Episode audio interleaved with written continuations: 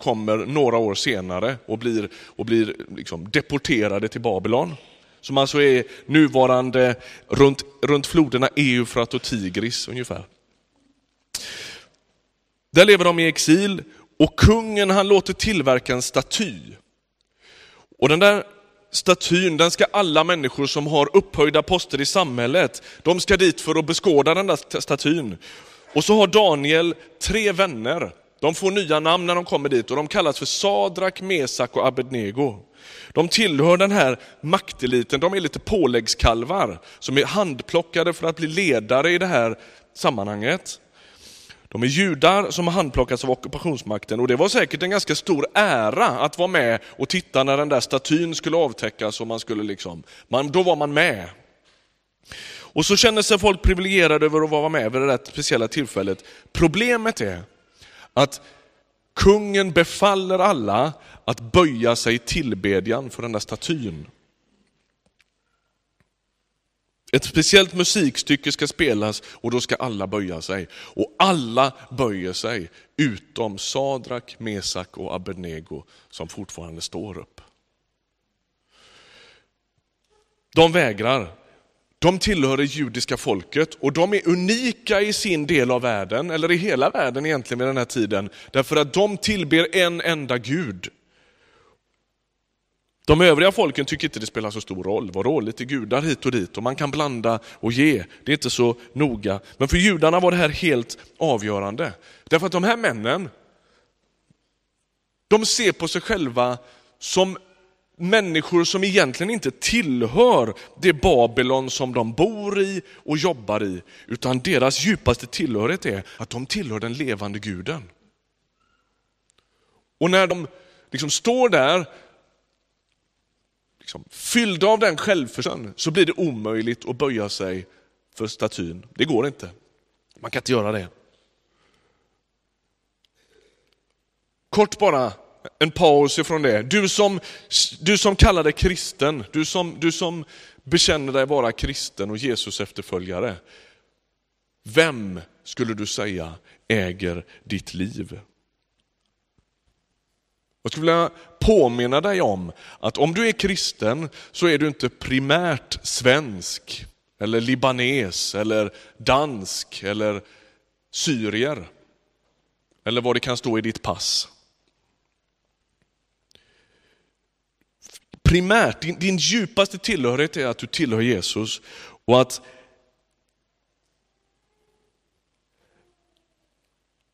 du kan därmed inte göra precis som alla andra. Det går inte. Det går inte. När, när Sadrak, Mesak och Abednego befinner sig i Babylon så, så, så, är de, så är de privilegierade människor. De har ju en ställning i det samhället i en mening. Och samtidigt är det som att de aldrig glömmer bort att de djupast sett tillhör den levande guden. Och i vissa ganska avgörande moment så blir det helt liksom, tydligt det blir en sån vattendelare på något sätt. Nej men vi kan inte böja oss för den där statyn, för vi tillhör inte Babylon, vi tillhör den levande guden. Det går inte att göra som alla andra. Och det är som att vi har så lätt att glömma bort det.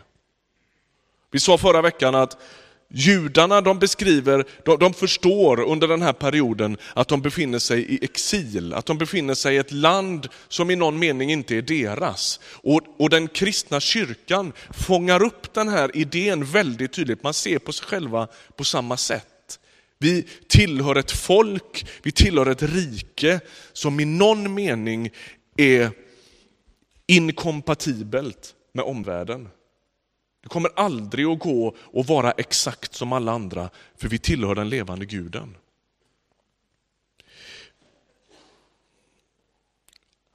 När de vägrar att tillbe, vad är det som gör att de väljer just det? Vad är det som gör att det inte går att böja sig för den där statyn? De skulle kunna vara annorlunda på så många andra sätt. Jo, därför att tillbedjan handlar om att erkänna makt. När vi sjöng innan här, när Emma och teamet ledde oss i lovsång och vi sjöng om Jesus som Herre, så är det så att tillbedjan, det är inte bara liksom en eh, punkt i programmet eller en liksom, vi vill ha en lite liksom, bra start på gudstjänsten, utan det är, det är ett statement. Är du med? Alltså vi, vi, vi sjunger inte de där sångerna av något annat skäl än att vi, att vi bekänner för våra egna hjärtan, för varandra, inför Gud och inför hela världen, vem som har den yttersta makten. Det är vad tillbedjan handlar om. Det är inte liksom lite trivsamma sånger, utan det är ett, det är ett supertydligt statement. Vi har en idé om vem som har den yttersta makten och det är honom vi tillber. Därför kunde de här männen inte böja sig för statyn. Inte en chans, det är ju Gud som, som man böjer sig inför.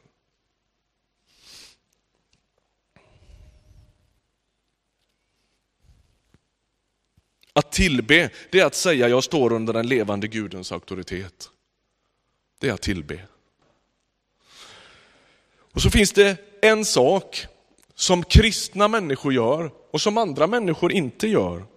Och det är att man samlas som vi gör nu på söndag för att tillbe och fira gudstjänst.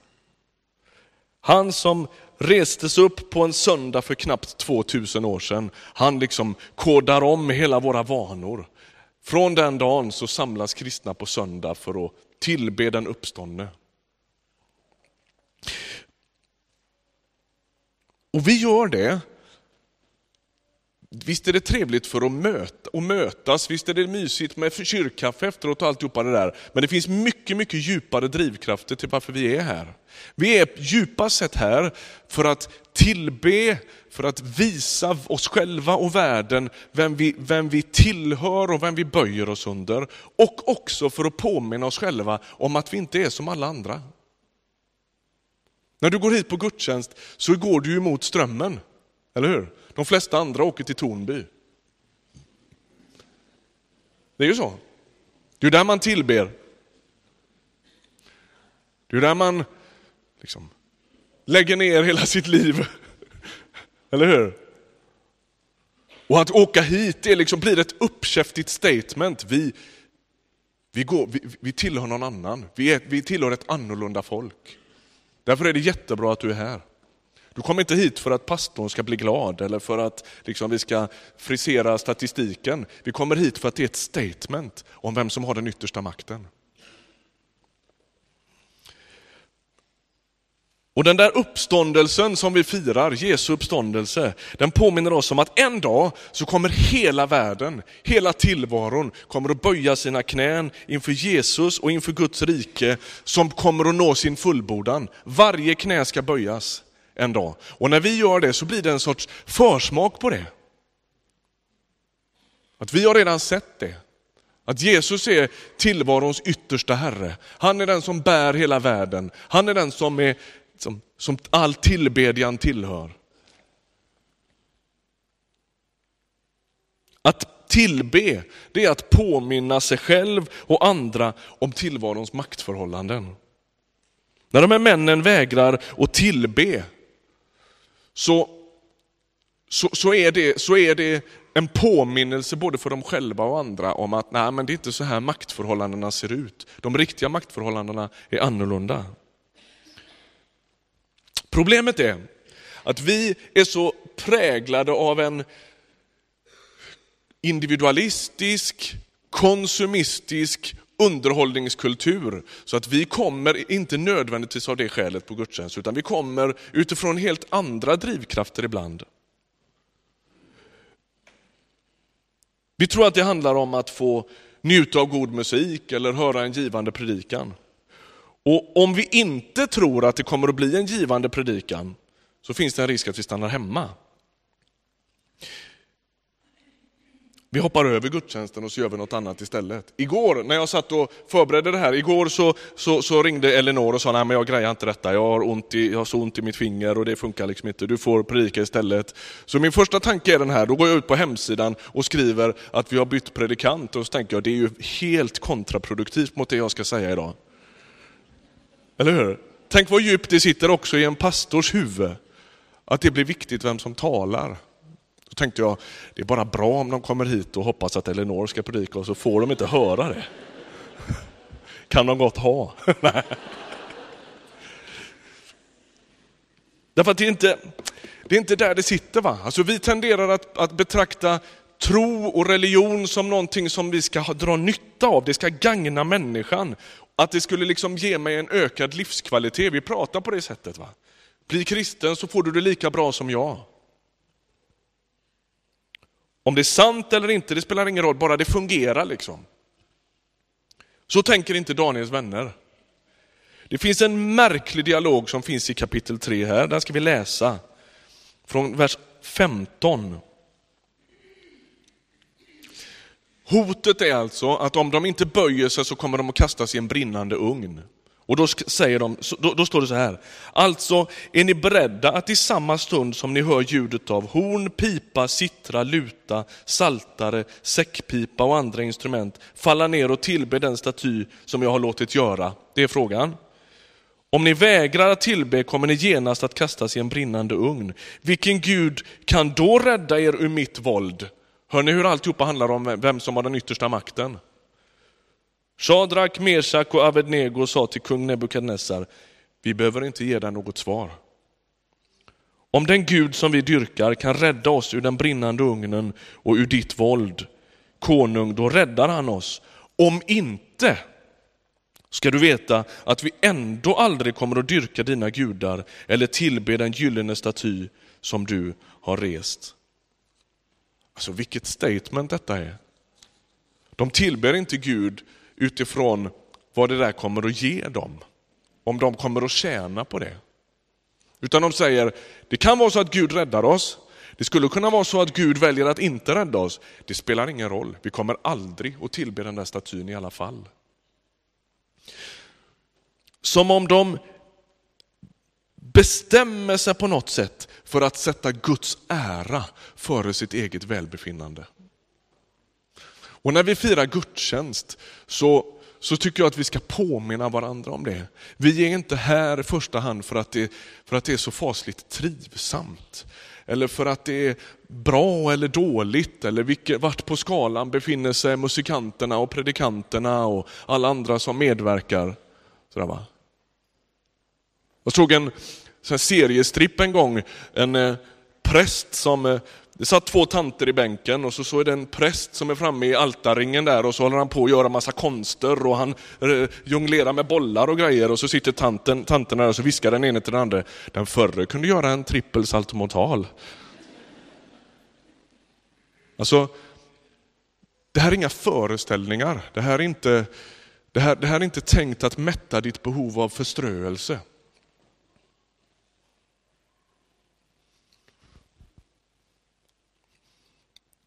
Finns en bok om gudstjänstliv som är skriven av två lärare på, på Örebro Missionsskola som heter Björn Cedersjö och Sune Fahlgren. De säger så här, vi gör inte Gud en tjänst genom att gå till kyrkan. Det handlar inte om pliktuppfyllelse. Däremot är det rätt och naturligt att den som är skapad nalkas skaparen. Jag går alltså till gudstjänsten för att det är rätt. Så enkelt är det. Så är det bra? I vår konsumtionskultur där vi liksom frestas hela tiden att liksom skruva på utbudet så att det blir så fränt som möjligt, så, så, så, så, så funkar det inte liksom att fira gudstjänst på de grunderna. Jag kan höra människor ibland, jag ska inte säga att jag har hört det här, men jag har hört det förr, har hört människor säga, ja men du vet den här gudstjänsten den gav inte mig något. Eller ännu värre, kom en tant till mig en gång och sa så här, idag gav inte lovsången mig någonting.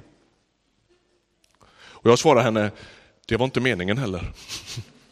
Vi sjöng nämligen inte till dig. Alltså, hör du hur dumt det är? Idag gav inte lovsången mig någonting. Alltså, avsikten är ju precis den motsatta. Att få glömma sig själva. Martin Luther han har sagt så här, gudstjänstens främsta syfte är att bota oss från vår inkrökthet i oss själva. Alltså när vi kommer och firar gudstjänst så är det inte för att återigen fastna i oss själva och vad gillar jag och vad är häftigt och hur, hur liksom möts allt med, utan, utan att glömma sig själv. Att tillbe, att påminna sitt eget hjärta om vem som har den yttersta makten. Att liksom förlora sig i Jesus och säga, det, det, det är runt dig allting cirklar, du är tillvarons centrum, inte jag.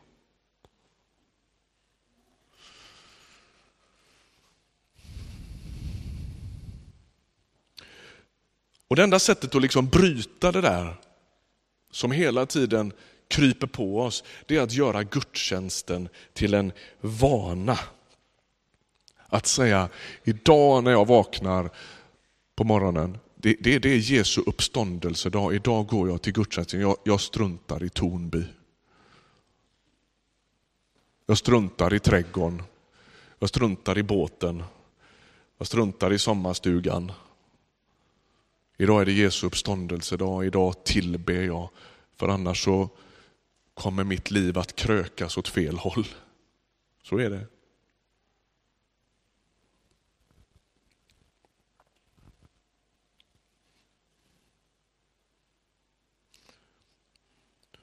Den här vanan att varje söndag komma hit och tillbe Gud, det liksom hjälper oss att komma ihåg att vi inte är som alla andra. Bibeln gör en ganska stor sak av det i Nya Testamentet, att som kristen är man inte som alla andra.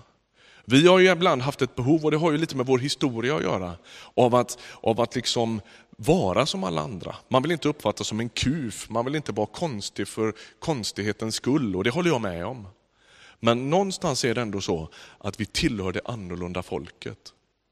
Det är så. Och gudstjänsten hjälper oss att, att, att komma ihåg det. Det hjälper oss att förstå att fokus för oss är inte att Sveriges kultur, välstånd eller territorium ska bevaras. Det är inte det som är vårt fokus, för vi är inte primärt svenskar. Inte primärt. Vi är primärt medlemmar och medborgare i Guds rike. För den som är döpt och tillhör Kristus så är det så att vi har mer gemensamt med en kristen arab än vi har med sekulära, icke troende svenskar. Hörde du vad jag sa nu? Det där är viktigt. Som kristen Jesus efterföljare har du mer gemensamt med en kristen arab eller thailändare eller colombian än vad du har med icke troende svenskar. Vi tillhör ett annorlunda folk. Och när vi kommer på gudstjänst och tillber så påminner vi oss själva om det. Låt mig läsa ett bibelsammanhang till. Hebreerbrevets tionde kapitel.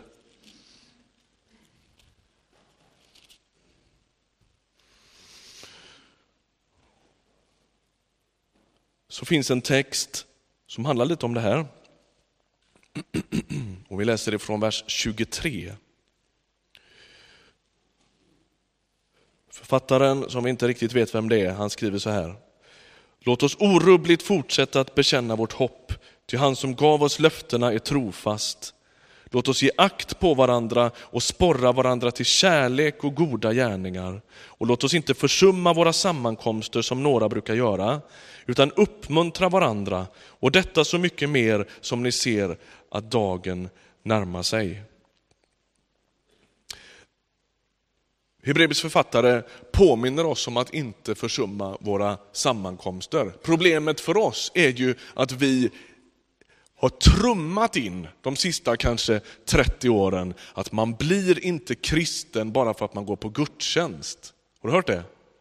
Jag har hört det hur många gånger som helst och det, där, det finns en sanning i det. Men om man bara säger det och säger det en miljon gånger så blir det inte längre en sanning. Då, då tenderar det att bli en lögn. Eller hur? Alltså, vi har försökt att poängtera, ja, men du vet bara flyta med, det är det som är poängen. va? Bara flyta med och, och liksom finnas med utan att ta personlig ställning, det räcker inte. Ja, men jag köper det. Men vi har poängterat det så in absurdum så att vi har fått det att låta som att man kan vara kristen utan att gå på gudstjänst, det spelar ingen roll. Och då tror inte jag att det längre är sant. Då tror inte jag att det längre är sant. Jag skulle vilja påstå att man måste eller måste. Ska du fortsätta att växa i ditt kristna liv så kan du inte välja bort gudstjänsten. Som pastor blir jag alltid väldigt orolig när människor säger, vet jag kommer inte längre, jag är kristen på egen hand. Det brukar aldrig båda gott.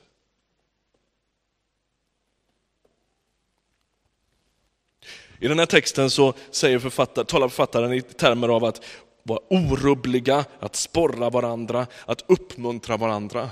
Och den här texten den, den, den finns i anslutning till texter som talar om uthållighet, om tro, om, om att inte tappa modet, att kämpa vidare. Och Det är som att gudstjänsten sammankomsterna, de finns med liksom i samma, i samma anda. Kom så att du inte tappar modet.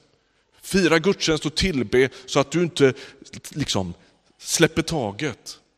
Så att du inte förlorar tron.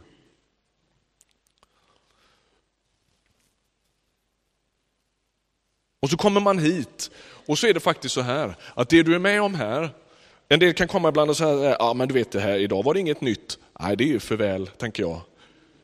Den dagen pastorn har hittat på något nytt, då ska ni dra öronen åt er. Då är det riktigt farligt. Därför att det som är poängen med gudstjänsten, det är att vi kommer hit och påminns om det vi redan vet. Det är grejen. Att Jesus är Herre, att Gud har skapat världen, att Jesus har dött och uppstått. Att, att Gud inte har tappat kontrollen utan att han, har, han kommer att ha sista ordet med hela tillvaron. Det är det vi påminns om.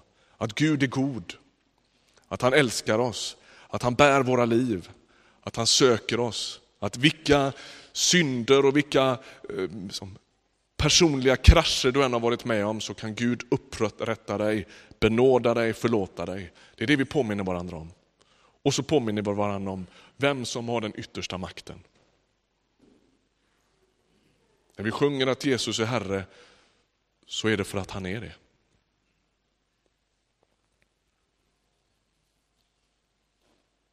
Det är som att vi gång på gång måste få möta Gud så att han får påminna oss om hur rika vi är. Att min synd har blivit förlåten, att jag är älskad av Gud. Som om de gamla sanningarna får liksom proklameras i mitt hjärta gång på gång på gång. Därför att jag tenderar hela tiden att glömma bort dem. Så när Sadrak, Mesak och Abednego vägrar böja sig för statyn, då är det mycket, mycket mer än liksom det som syns på ytan. Det handlar om vem man tillhör. Det handlar om vem som har all makt. Och när du och jag kommer hit på gudstjänst så är det samma sak. När vi vägrar böja oss på Tornby på söndag förmiddag, utan vi går hit istället, så är vi, står vi i bredd med Sadrak, Mesak och Abednego. Ska vi be? Tack Herre för att du är här.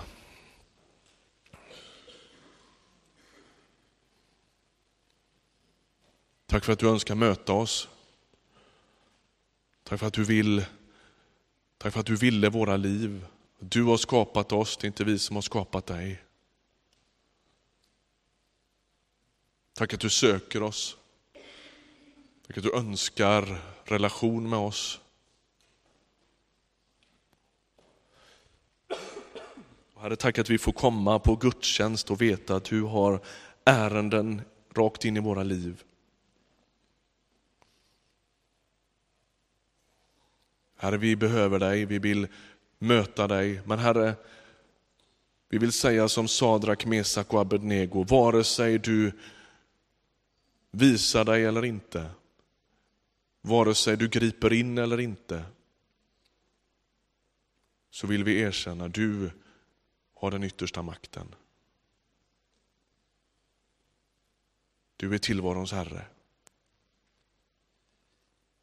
Du är den enda som är värdig våran res reservationslösa tillbedjan.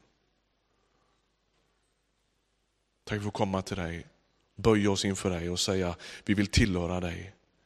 Vi vill stå under ditt herravälde. Vi vill lyda dig. Vi vill följa tätt i dina spår. Tack att du hör oss när vi ber. Amen.